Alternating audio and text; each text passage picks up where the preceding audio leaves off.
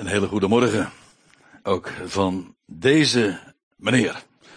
Die gisteren 58 jaar mocht worden. En nog hartelijk dank voor de felicitaties die ik eh, van jullie heb mogen ontvangen.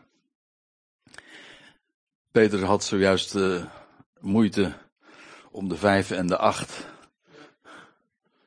uit elkaar te houden. En ik heb ze gewoon aan elkaar geplakt. En dat is ook wel geinig. Dat is trouwens wel een mooi woord, want het Hebreeuwse woord voor gein, dat is gen. En gen, als je dat uh, opschrijft, dan zijn dat twee letters in het Hebreeuws. Uh, maar als je ze optelt, als je het uh, opvat als een getal, dan wat krijg je dan? 58. Ja, dus mijn leeftijd die bepaalt mij erg bij gein, oftewel bij Gods genade. Nou, uh, tot zover mijn leeftijd. Want er zijn belangrijkere dingen te melden. Nou ja, geen belangrijkere dingen dan de genade van God, want wat overtreft dat? Wij gaan opnieuw ons weer bezighouden met de tweede psalm. En dat is niet eens de laatste keer, want over twee weken, dan hoop ik hier opnieuw te zijn voor de derde, nou niet achtereenvolgende keer, maar wel binnen één maand. Dus dat gaf mij de gelegenheid om uh, een Bijbelgedeelte eens wat diepgaander te bespreken. En dus, dit is dus eigenlijk een, uh, een serie, een korte serie, een triologie. En dit is deel 2 daarvan. Misschien is het goed om nog even terug te blikken op de psalm als geheel. Ik heb dat de vorige keer ook gedaan, maar om nog even de herinnering weer scherp te stellen. En een overzicht van de hele psalm te geven. Slechts twaalf versen telt de, de psalm. En het is een psalm van David. En die eerste drie versen, dat is een oproep van de natieën. En dat is gericht tegen Yahweh en zijn Messias, tegen zijn Christus. En als ik het in het Nederlands zeg, tegen zijn gezalfde. En dat is ook precies de term die in dit verband ook hier wordt gebezigd. Dan krijg je het middengedeelte. Dat is het antwoord dat Yahweh zelf geeft. En het antwoord is zijn zoon. De opstand die de natieën, de verenigde natieën organiseren, die wordt beantwoord door de grote koning van Sion. En dat is niemand minder dan Gods zoon. En dan tenslotte uh, krijg je uh, dat laatste gedeelte, dat is vervolgens een oproep aan de natieën en voor Yahweh en zijn gezalfde zodat je ziet dat het eerste deel samenvalt met het laatste deel. Althans, het loopt parallel. Maar er is ook een tegenstelling, want hier zijn de natieën aan het woord. En hier is God zelf aan het woord. En hier is het een pleidooi tegen God en zijn gezalfde. En hier is het een pleidooi voor God en zijn gezalfde. Dus dat wat het, het de psalm in zijn geheel even betreft. En we, ik zei al, we hebben het uh, zo uh, verdeeld, of we, ik heb het zo ingedeeld, uh, dat we het in drie keer bespreken. De eerste zes versen hebben we vorige keer, twee weken geleden, was het drie weken geleden? Nee, twee weken geleden, met elkaar bezien. En vooral gehad over de profetische strekking van deze psalm. David die spreekt over de uiteindelijke zoon van David. David is een profeet. Dat is een buitengewoon belangrijke waarheid. Uh, wanneer we de, de psalmen uh, openen. David spreekt uh, heel dikwijls in de ik-vorm, maar die ik blijkt een nakomeling, zijn erfgenaam te zijn. En in dit geval, het gaat hier over de tijd van de, de die nog steeds trouwens toekomstig is. Laten we even vanuit gaan, gemakshalve, dat David dit 3000 jaar geleden componeerde. Dat klopt aardig. En hij spreekt over gebeurtenissen ja, die nu in de nabije toekomst een beslag zullen gaan krijgen. Namelijk dat de natieën inderdaad zich, zich organiseren en zich letterlijk tegen Yahweh zullen keren. Dat zal zijn in de tijd dat de Messias inmiddels is teruggekeerd en zijn koninkrijk gaat vestigen. Eerst in Jeruzalem, in, de, in Israël en vervolgens gaat uitbreiden over de natieën. Over die tijd hebben we het. Dit was dus het onderwerp van de vorige keer. En het onderwerp van de volgende keer, over twee weken, dan gaan we vers 8 tot en met vers 12 bespreken. Dan weet u dat ook alvast. Hè? En dat betekent dat we ons vandaag bepalen bij slechts één versje. Dat is heel weinig, zou je kunnen zeggen. Maar uh, ik denk dat ons bordje vol ligt. Toch wel. Want wat blijkt is dat zevende vers, dat eigenlijk ook centraal staat in deze psalm. In centraal, ja, thematisch, maar ook natuurlijk als je de hele structuur bekijkt. En dat komt omdat dit vers nogal eens een keer, kijk maar eens een keer in uw eigen Bijbeltje, als u daar tenminste ook tekstverwijzingen in hebt staan, dan zul je zien dat dat heel wat keren wordt geciteerd in het Nieuwe Testament. Dus het speelt een grote rol daarin. En niet alleen maar geciteerd, er wordt ook aan gerefereerd. Ook dat zal ik straks uh, laten zien. Het is dit vers. Ik verhaal van de bepaling van Yahweh. Hij sprak tot mij, mijn zoon ben je. Vandaag heb ik je verwekt. Nou, laten we eens wat gaan inzoomen op wat daar nou eigenlijk staat. Eerst uh, ik verhaal, ik zei al, de ik hier, dat is, ja, je zou kunnen zeggen dat is de schrijver, ja, maar het is veel meer. De ik is de zoon van David, want het is profetisch. En ja, de ik, dat is trouwens, dat blijkt eh, sowieso al, als je even terugkijkt in de psalm, dat is de, die, hij die identiek is aan de gezalfde. Strikt genomen zou je natuurlijk kunnen zeggen, ja, maar daar voldoet David zelf ook aan, want David was ook gezalfd. En dat klopt. Koningen waren per definitie gezalfd. Priesters trouwens ook. En profeten bij gelegenheid ook. Gezalfd. En, maar goed, uiteindelijk is deze term, deze titel, in de hoogste zin natuurlijk van toepassing op één iemand, namelijk die uh, gezalfd wordt, maar niet met olie, maar dat waar olie een beeld van is, namelijk van, ja, van geest. Olie is een beeld van geest. Olijfolie bedoel ik dan natuurlijk, hè. En ja, er is er één gezalfd met geest. En waar dat dan weer betrekking op heeft, nou dat gaan we straks ook dus zien. Maar het is de gezalfde. En bovendien, uh, in vers 6 heet hij de koning van Zion. Dat was David ook. Maar wat dacht je wat? Degene die zijn erfgenaam is, die is het eens voor altijd definitief. De koning van Zion. En dat is een hele, hele eenvoudige reden waarom hij definitief is. Hij gaat namelijk niet dood. Normaal wordt koningschap, ja, is priesterschap, dat geldt voor eh, alles. Hè? Dat is maar tijdelijk. Ja, waarom? Omdat de mens zelf een tijdelijk fenomeen is. Hij komt en hij gaat. Maar deze wordt gesteld en deze is definitief koning. Omdat hij namelijk onvernietigbaar leven heeft. Zoals uh, dat in de Hebreeënbrief dan wordt uitgelegd. Maar juist daar gaat dit vers ook over. Dus hier hoef ik verder niet zo heel veel van te zeggen. De, ik verhaal, dat wil zeggen, hier wordt ges, eh, de Messias zelf, de koning van Sion, die gaat nu iets vertellen. Iets verhalen, iets wat hem is overkomen. En, en wat wel? Wel, de, het besluit staat er dan in de NBG-vertaling. Of eigenlijk is het meer de bepaling, dat wat God bepaald heeft uh, van uh, uh, Yahweh. Wacht even. Want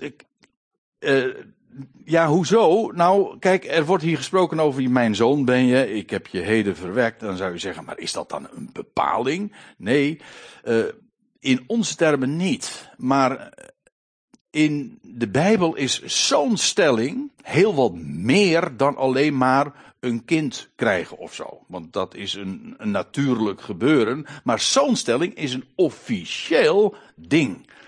Um, namelijk dat er een. in, de, in het Nieuwe Testament is er zelfs een, een term voor.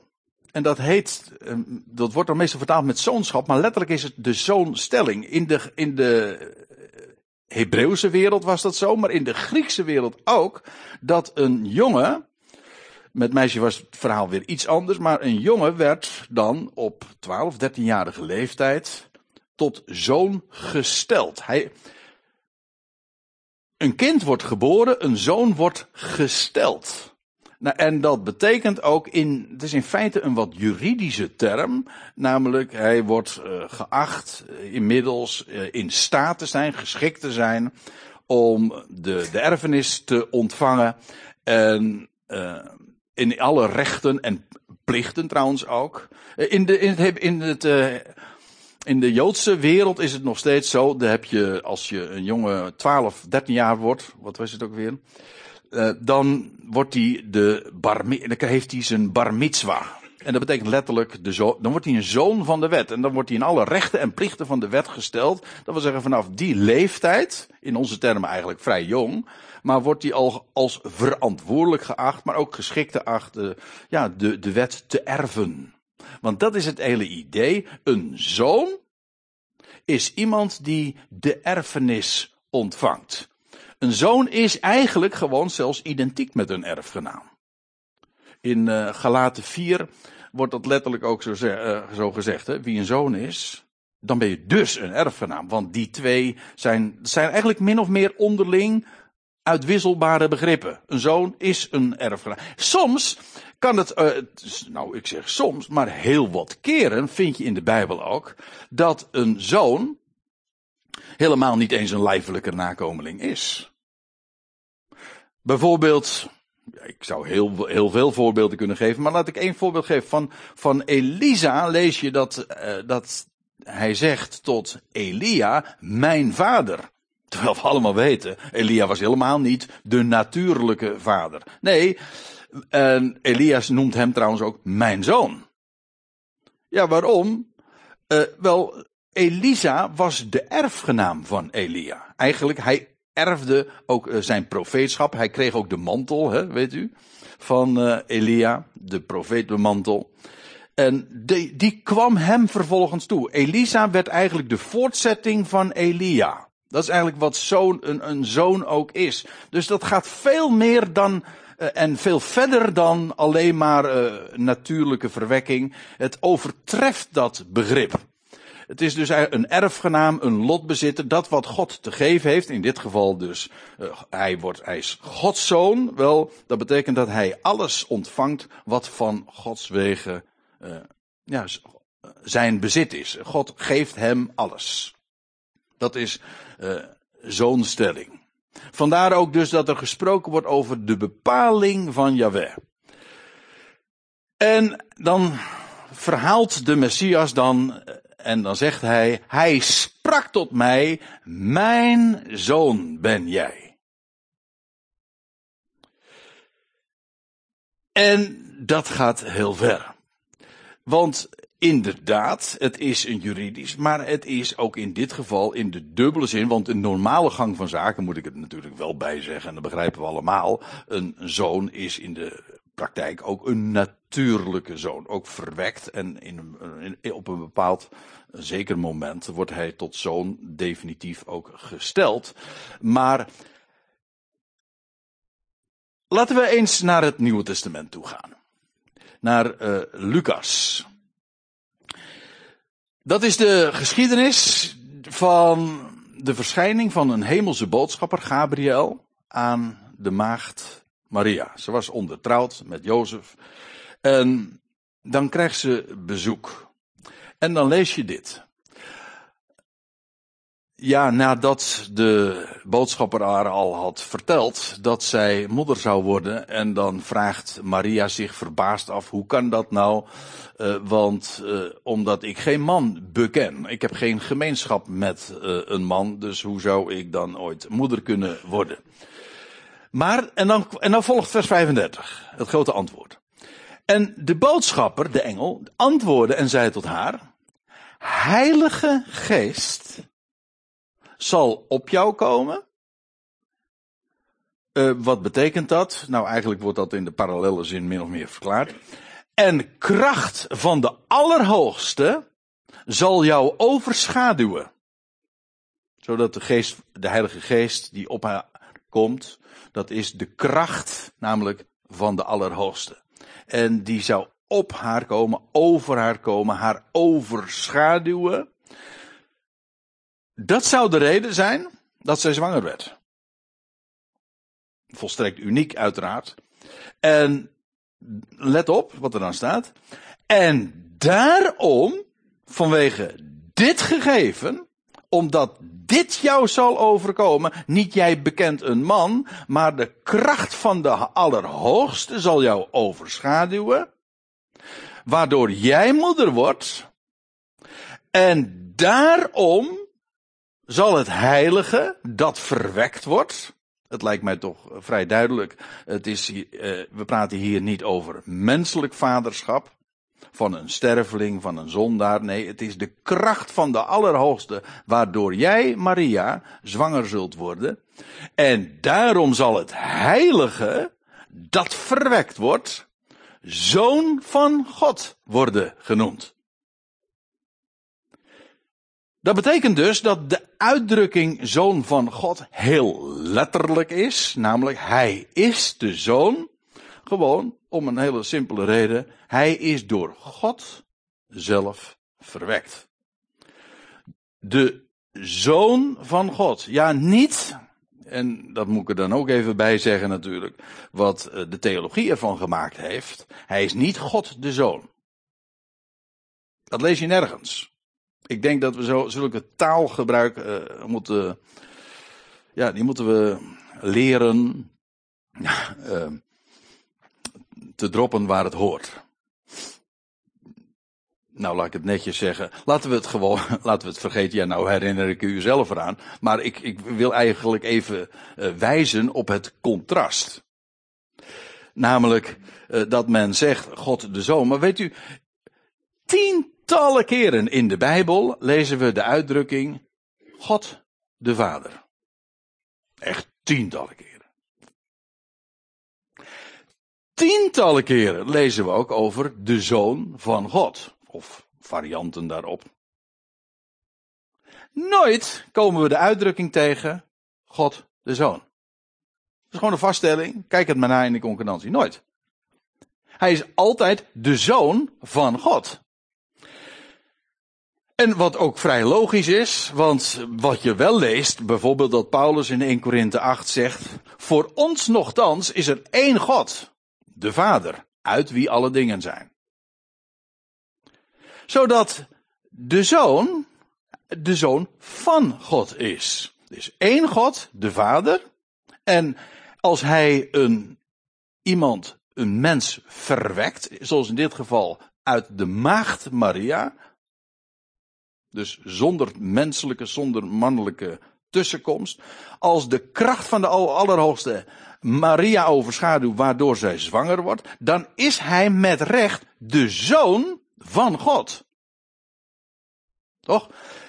En ja, dat is een van de belangrijkste titels die de Jezus Christus heeft in het Nieuwe Testament. Hij is de Zoon van God. En dat is niet wazig, dat is niet mysterieus, dat is gewoon heel letterlijk. En dat is ook volstrekt uniek. Laten we daar uh, even uh, ook uh, een grote vette streep onder zetten. Hij is namelijk de enig geboren zoon van God. Ook dat is trouwens een letterlijke term. Je leest in de, in de Bijbel ook de term zoon van God wordt er in meervoud gebruikt. Zonen Gods. Ook wij worden als gelovigen zonen Gods genoemd. Dat is waar. In een afgeleide zin ook erfgenamen van God. Maar hij is in, op een unieke, letterlijke wijze de enig geboren zoon van God. Er is maar één mens uit al die miljarden sinds Adam tot nu toe en wat er nog gaat komen, is er maar één mens die werkelijk kan zeggen, ik ben de zoon van God. Namelijk verwekt niet door een menselijke vader, maar door God zelf. De kracht van de Allerhoogste uh, heeft hem voortgebracht. En dat geeft zo'n enorme ja, concreetheid aan die titel. Hij is de zoon van God. Geboren inderdaad uit de maagd Maria. En dan kun je zeggen van ja, maar dat kan toch helemaal niet. Nou, het is, eh, nou waarom het niet zou kunnen. Ik, uh, Peter en ik, die hebben het er wel eens een keer over. Ja, eh, dan, want dan wordt er natuurlijk gezegd van dat, dat is toch volstrekt onmogelijk. Maar laten we nou wel wezen. is de geboorte uit een zaadcel en een eicel, de samensmelting daarvan, is dat minder wonderlijk? Nou ja, het is inderdaad, het komt meer voor, dat is waar. Eh, dat is de gebruikelijke orde. Maar dat is toch ook een volstrekt godswonder dat je dat uit twee onooglijke zelletjes, de samensmelting daarvan, dat daar een mens of een levend wezen uit voortkomt. Dat is een compleet godswonder. En in die zin zeg ik, uh, is uh, de kracht van de Allerhoogste, dan is wat, wat spiritueler zal ik maar zeggen, dat is onzienlijk, maar goed, we zijn inmiddels ook zo vertrouwd geraakt met, met krachten die, uh, en dingen die je niet kunt zien, maar die concrete dingen uitwerken met, met, met straling en dergelijke. En radiogolven. Wij, wij kennen dat fenomeen, dat de kracht van de Allerhoogste een een vrouw, een maagd overschaduwt en daar een mens uit voortkomt, dat is inderdaad volstrekt uniek. Maar vindt u het zo een moeite om daarin te geloven? Ik persoonlijk heb daar niet de minste moeite mee, want ik zeg ja, alles wat wij om ons heen zien, dat is uh, een volstrekt wonder. Maar goed, uh, Eigenlijk hoef ik dat natuurlijk ook niet uit te leggen, want laten we wel wezen, we gaan gewoon uit van wat er staat geschreven en zo. En dit, zo is het nu eenmaal gegaan. En uh, ook al heb je, uh, heb je er moeite mee om dat zomaar uh, te accepteren, de schrift zegt het. Ik ga er ook gewoon zonder meer van uit. Goed. Nou weten we, hij is de zoon van God en waarom hij dat ook is. En die uitdrukking, mijn zoon ben je, daar wordt nogal eens aan gerefereerd in het Nieuwe Testament. Ik gaf al zoiets aan. Maar het werd bijvoorbeeld bij, op, bij twee hele belangrijke hoofdmomenten, mag ik wel zeggen, in Jezus leven, in Jezus eh, bediening, op publieke bediening, naar voren gebracht. Namelijk bij Jezus doop, in de Jordaan, toen zijn publieke bediening aanving. En bij een latere gelegenheid ook toen hij daar op een hoge berg, als u mij vraagt de berg Hermon, uh, was samen met een drietal uh, discipelen, de, de zogenaamde verheerlijking op de berg, wordt er gerefereerd aan Psalm 2. En ik neem u in de eerste plaats mee naar zijn doop, want ja, toen was Jezus inmiddels 30 jaar en toen ving zijn openbare dienst aan. En dat de doop eigenlijk is de doop in de Jordaan door zijn neef Johannes, Johannes de Doper, die zijn naam dankte aan dat wat hij deed. Dus uh, toen gebeurde er dit. Dan lees je uh, daar was al wel wat aan vooraf gegaan voordat Jezus uh, gedoopt werd. Want Johannes had uh, in eerste instantie daar helemaal geen zin in en vond het ongepast dat hij Jezus zou dopen. Want hij wist heel goed met wie hij van doen had. Hij zegt, ik ben niet eens waard zijn schoenriem vast te maken. Maar goed, Jezus stond erop dat hij gedoopt zou worden. En dan, dat is niet voor niks, want in feite die gebeurtenis daar in de Jordaan, toen Johannes uh, Jezus doopte, was een profetische gebeurtenis. Dat wil zeggen, het was een uitbeelding van wat op een later moment echt uh, in de volle zin waarheid werd. Nou, Jezus was gedoopt en dan lees je terstond nadat Jezus gedoopt, ondergedompeld was daar in de Jordaan, want dat is wat dopen is, steeg hij op uit het water. Nou, het lijkt mij toch duidelijk dat dat fenomeen kennen we allemaal. Het is vrij bekend. Dus ik denk niet dat ik nieuws uh, meld wanneer ik zeg dat de doop in de Bijbel, het doopwater, ook een beeld is van het graf.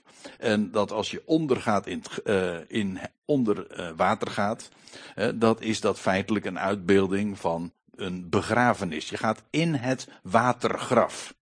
Nou, dan staat er, uh, nadat je gedoopt bent, steeg hij daarop. Dat lijkt mij wel uh, logisch, hè? om in leven te blijven. Maar eigenlijk is het zo, hij stond, terstond steeg hij op uit het water, maar dat is precies wat het is. Hij ging onder in het graf, maar hij stond op uit het water, maar dat is opstaan. Opstanding. Maar u begrijpt, nou heb ik het niet alleen over fysiek opstaan uit het water, maar eigenlijk opstaan uit de dood. Dat is waar het een beeld van is. En dan staat er, en zie, de hemelen openden zich en hij, Johannes, zag de geest Gods. Normaal gesproken kun je geest natuurlijk helemaal niet zien. Want dat is juist wat geest is. Geest is wat je niet kunt zien. Maar hij zag de geest gods en wel in de gedaante van als een duif op hem neerkomen. Dus een hele bijzondere gebeurtenis, want wat vindt plaats? Hij staat op uit het water en op dat moment komt de geest, maar dan als een duif op hem uh, aanvliegen en op hem komen. Dus ik stel me zo voor op zijn schouder of zo. En feitelijk, als je. de tijd ontbreekt me om dat nu uh, aan te tonen, maar in, in Handelingen 10, vers 38, als Petrus in het huis van Cornelius is, dan legt hij dat uit. Hij zegt dat is de salving van Jezus. Hij werd toen gezalfd met geest. De geest kwam toen op hem. En ja, en dus werd hij toen de gezalfde, oftewel de Messias, de Christus. En hij, maar ja, dus je krijgt het verhaal, zijn zalving, dat is, vond plaats bij zijn doop. Maar dat was een beeld van wat later zou gebeuren. Hij zou opstaan uit de dood. Ja, uit het watergraf.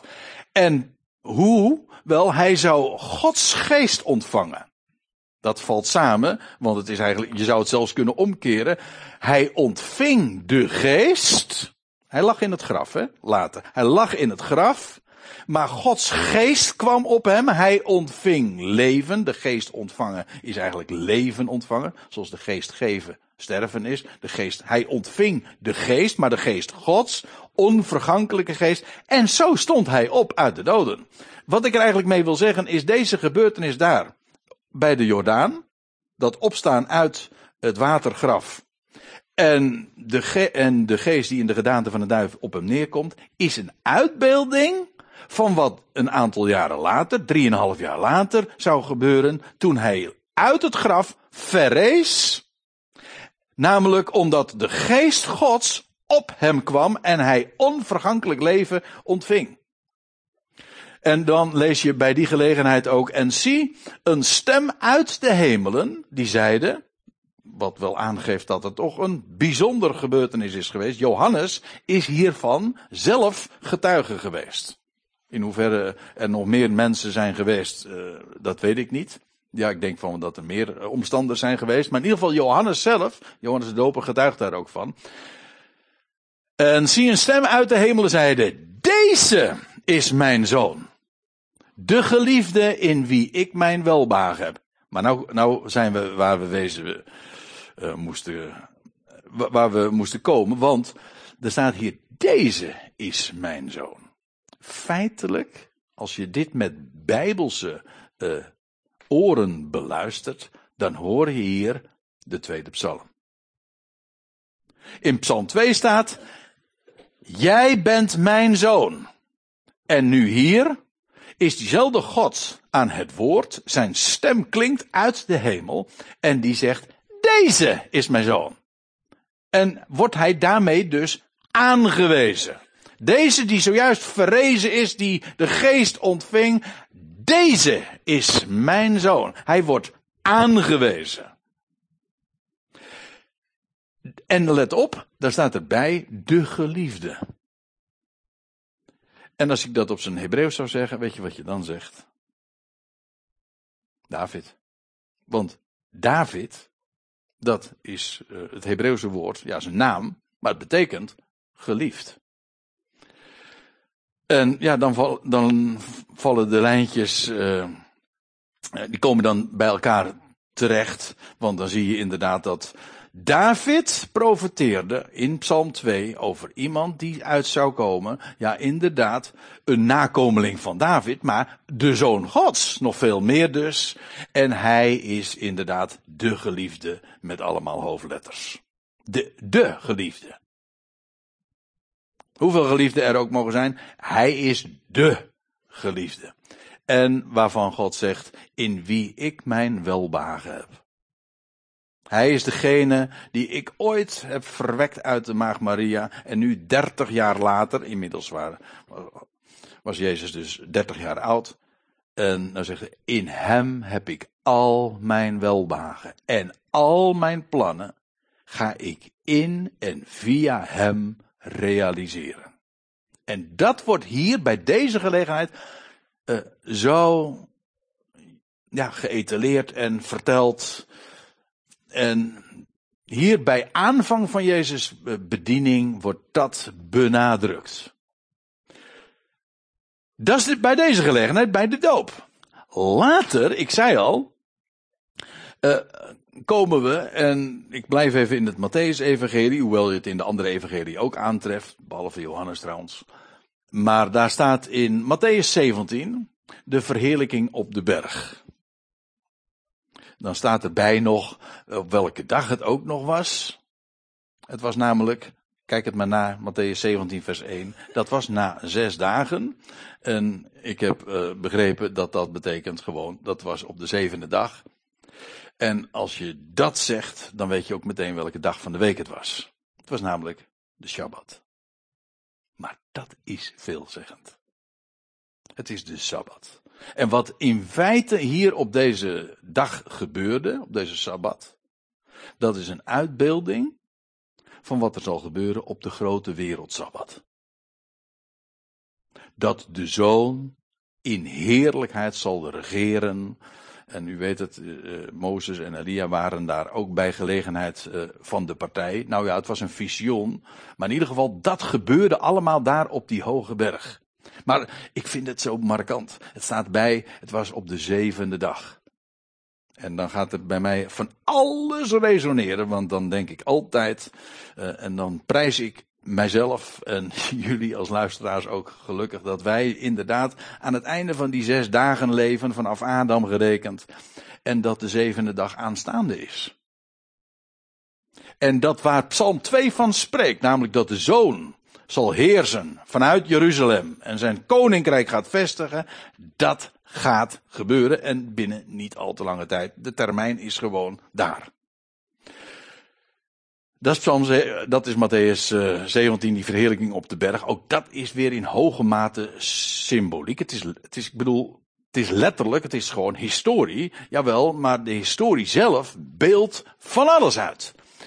Laten we eventjes dan lezen en zie, uh, dan staat er, maar uh, Petrus die had een onzalig voorstel gedaan, uh, namelijk om tent te, neer te, te bouwen, loofhutten zeg maar, en daar te blijven, want het is goed daar te vertoeven, maar dan ineens wordt hij geïnterrumpeerd, eh, want er staat er, zie, daar overschaduwde hen, hey, overschaduwde hen, een lichtende wolk, en zie, een stem uit die wolk die zei, en nu krijg je in feite een soort herhaling van wat ooit eerder plaatsvond, namelijk bij Jezus doop.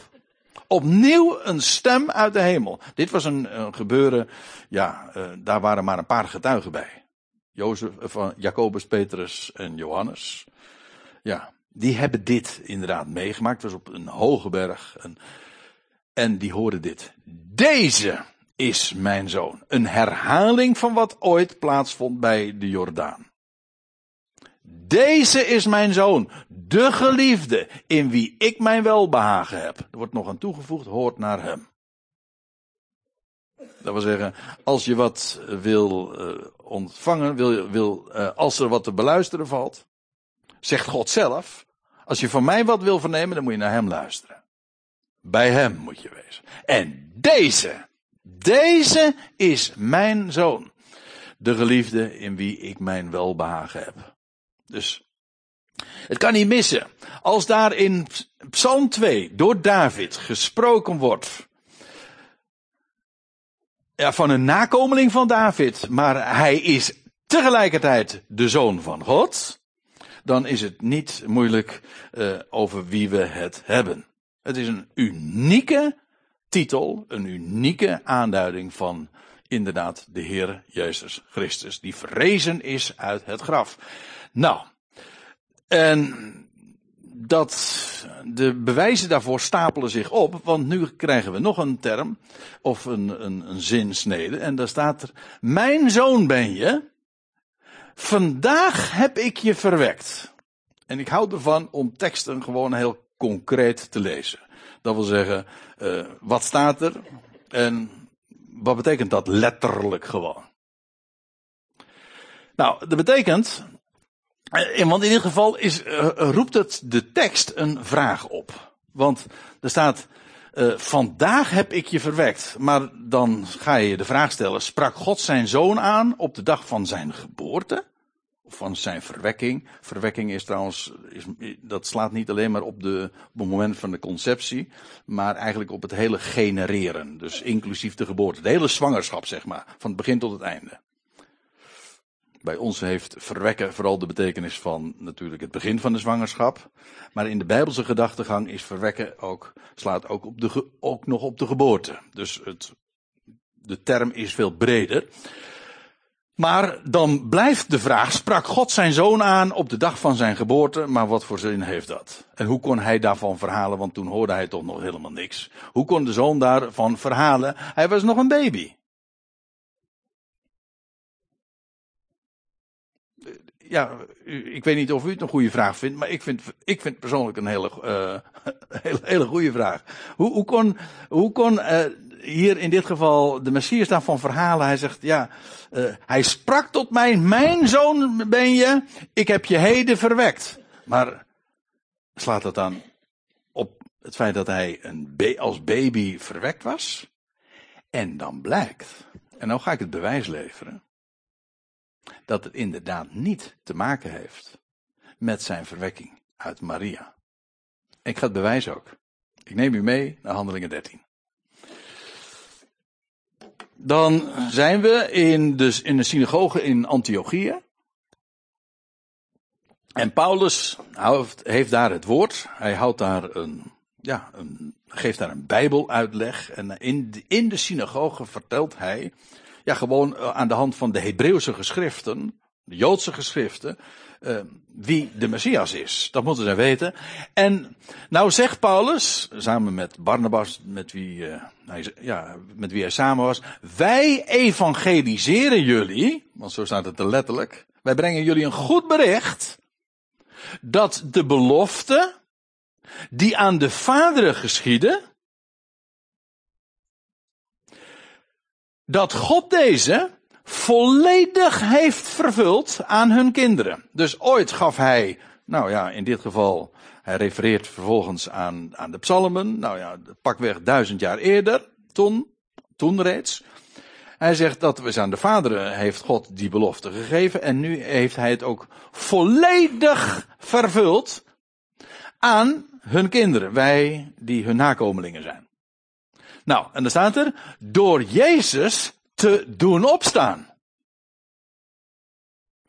Zoals hij, zoals ook in de tweede psalm staat geschreven. Dus Paulus, die zegt ook, waarnaar hij verwijst. Namelijk naar de psalm waar wij het nu ook drie keer over hebben, namelijk de tweede psalm. En dan volgt het, uh, het citaat. Jij bent mijn zoon, vandaag heb ik je verwekt. Waar slaat nou dat vandaag heb ik je verwekt op? Dat slaat op het, op het feit dat God Jezus heeft doen opstaan. Hij heeft hem, ja inderdaad, eerst verwekt uit Maria. Maar nu, later, 33 jaar later, verwekt uit het graf. Verwekt uit de doden. En dan begrijp je heel goed waarom er staat vandaag. En waarom de zoon daarvan kan verhalen op de dag van zijn opstanding. Heeft de heer Jezus gehoord van zijn God. Hij lag in het graf en God heeft hem doen opstaan en toen hoorde hij, mijn zoon ben jij. Ik heb jou vandaag verwekt. Namelijk uit het graf, uit de doden. Geweldig hè? Dat betekent dat uh, deze gebeurtenis, de opstanding van Jezus Christus uit de doden, al voorzegd is in de psalmen. Dat vandaag heb ik je verwekt.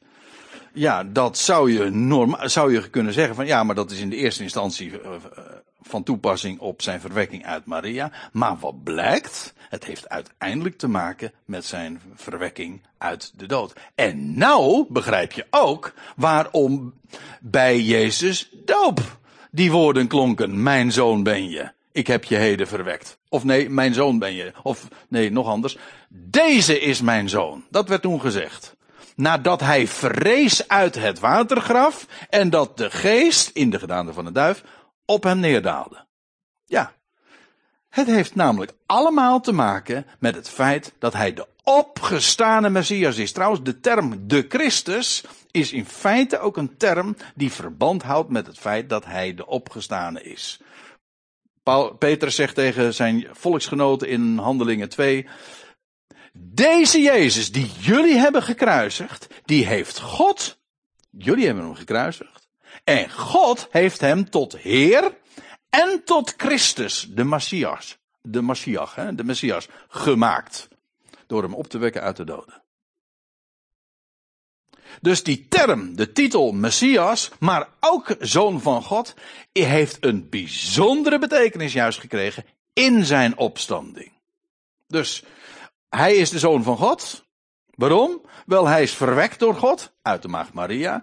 Maar bovendien, hij is verwekt uit de doden en daarom is hij opnieuw krachtig bewezen te zijn de Zoon van God. En nou, nu neem ik u tenslotte nog mee naar Romeinen 1.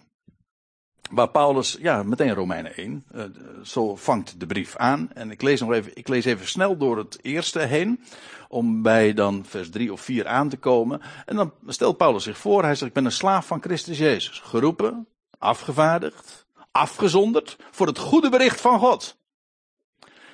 Uh, hoezo goede bericht van God? Nou, dat hij tevoren beloofde door zijn profeten in heilige schriften. Dus het stond allemaal al uh, genoteerd, opgetekend, zwart op wit. En wij uh, leefden met die belofte. En wat is het goede bericht nu? Wel dat God het inmiddels, die belofte, waargemaakt heeft. God doet recht aan zijn woord. Oftewel, hij vervult wat hij belooft. En over wie gaat dat dan allemaal? Aangaande zijn zoon. Waar gaat het goede bericht over? Dat gaat niet over ons hoor. Ook niet wat wij moeten doen. Er is nog een heel gesprek over, mijn verjaardag.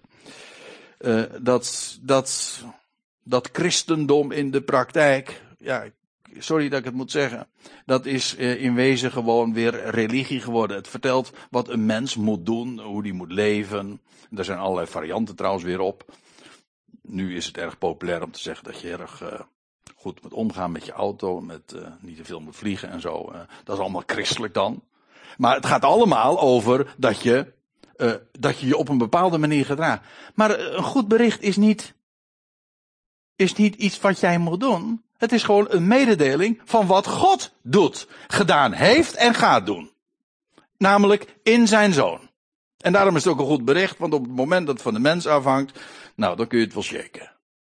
Ik vind, ik vind het dramatisch. Ik vind het dramatisch als je met zo'n boodschap iedere keer de mensen uh, ja, gaat moraliseren. Zeggen, je zou eigenlijk dit moeten doen. Joh, je kan het wel. Hè? Of ja, zo dan te motiveren, maar bepaalde doelen te stellen. Maar het is allemaal religie. Dus godsdienst.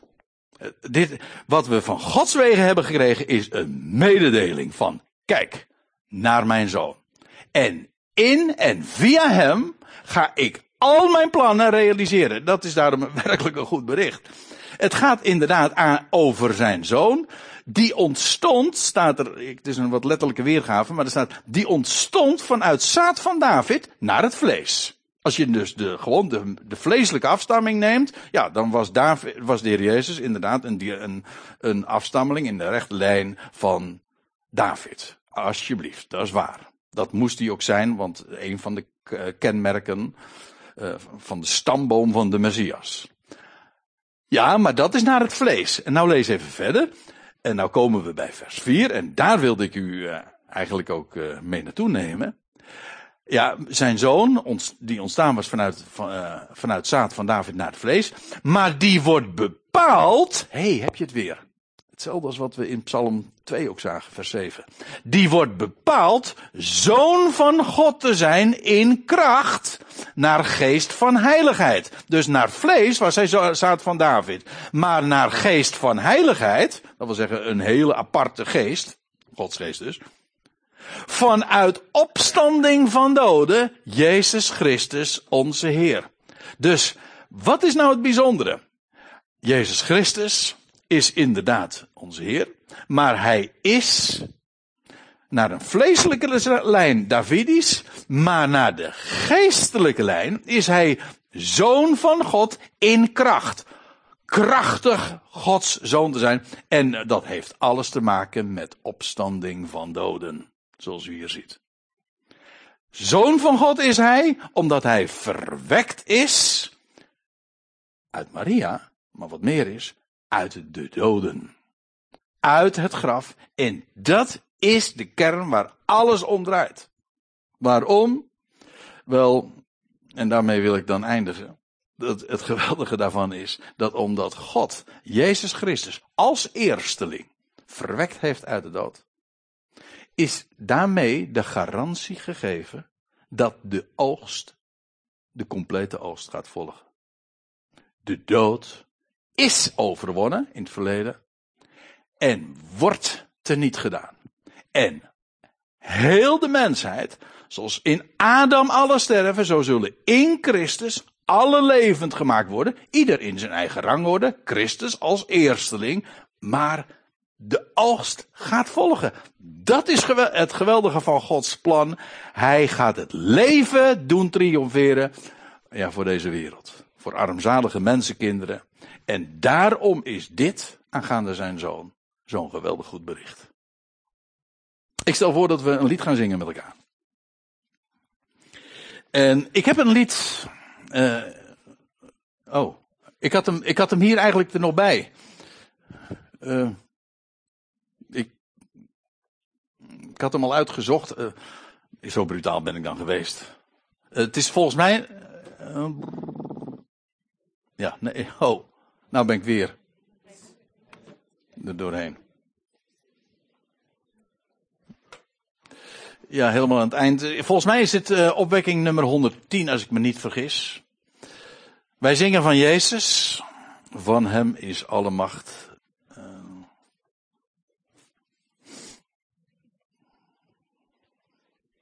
Ja. Ja, waarom? Uh, ik heb het vet gedrukt. De zoon van God is hij, de allerhoogste Heer. Nou ja, en wat verder volgt.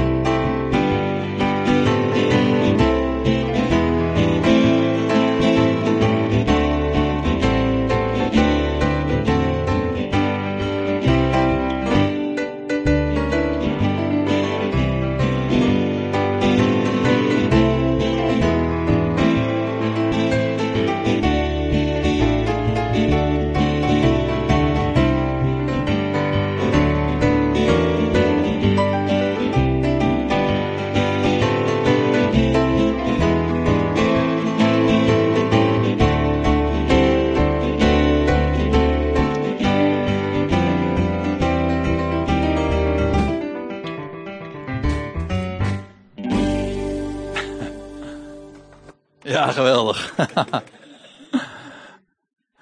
Zullen we deze samenkomst nog afsluiten met dankgebed? Machtige God, wat is het heerlijk als we zo'n goed bericht van u mogen ontvangen. En dat we de schriften mogen hebben. Waarin dat alles staat opgetekend. Niet alleen de beloften, zoals we dat in het Oude Testament vinden. Maar ook de vervulling van die belofte. Die met precisie en volledig ook is in vervulling gegaan. En Heer, we danken u dat u uw woord waar maakt. En dat we een geweldig groot God kennen. Die door zijn zoon, verwekt uit Maria, maar verwekt uit de doden, nog meer, leven gaat geven aan deze wereld. En dat is puur om niet. En wat is het geweldig voorrecht als we vandaag al tot die erkenning zijn gekomen. Dat u onze ogen daarvoor opent. En Heer, we zijn werkelijk gelukkig te prijzen als we zo'n blijde tijding, zo'n geweldige hoop en vooral zo'n grote God mogen kennen, bij wie alles vast ligt, die, bij wie nooit iets misgaat, die nooit mistast, die zijn plan volledig vervult. Heer, daarin vinden wij vrede, daarin vinden we rust. En wat een geweldige vreugde die dat uh, ook geeft. En Heer, we danken u dat we alles ook bij u kunnen laten. En dat u op uw tijd ook alle ogen gaat openen voor wie u werkelijk bent. Zodat alle knieën ook gaan buigen en elke tong het zal beleiden. Inderdaad, deze Jezus, Jawel is redder, is Heer, de Zoon van God.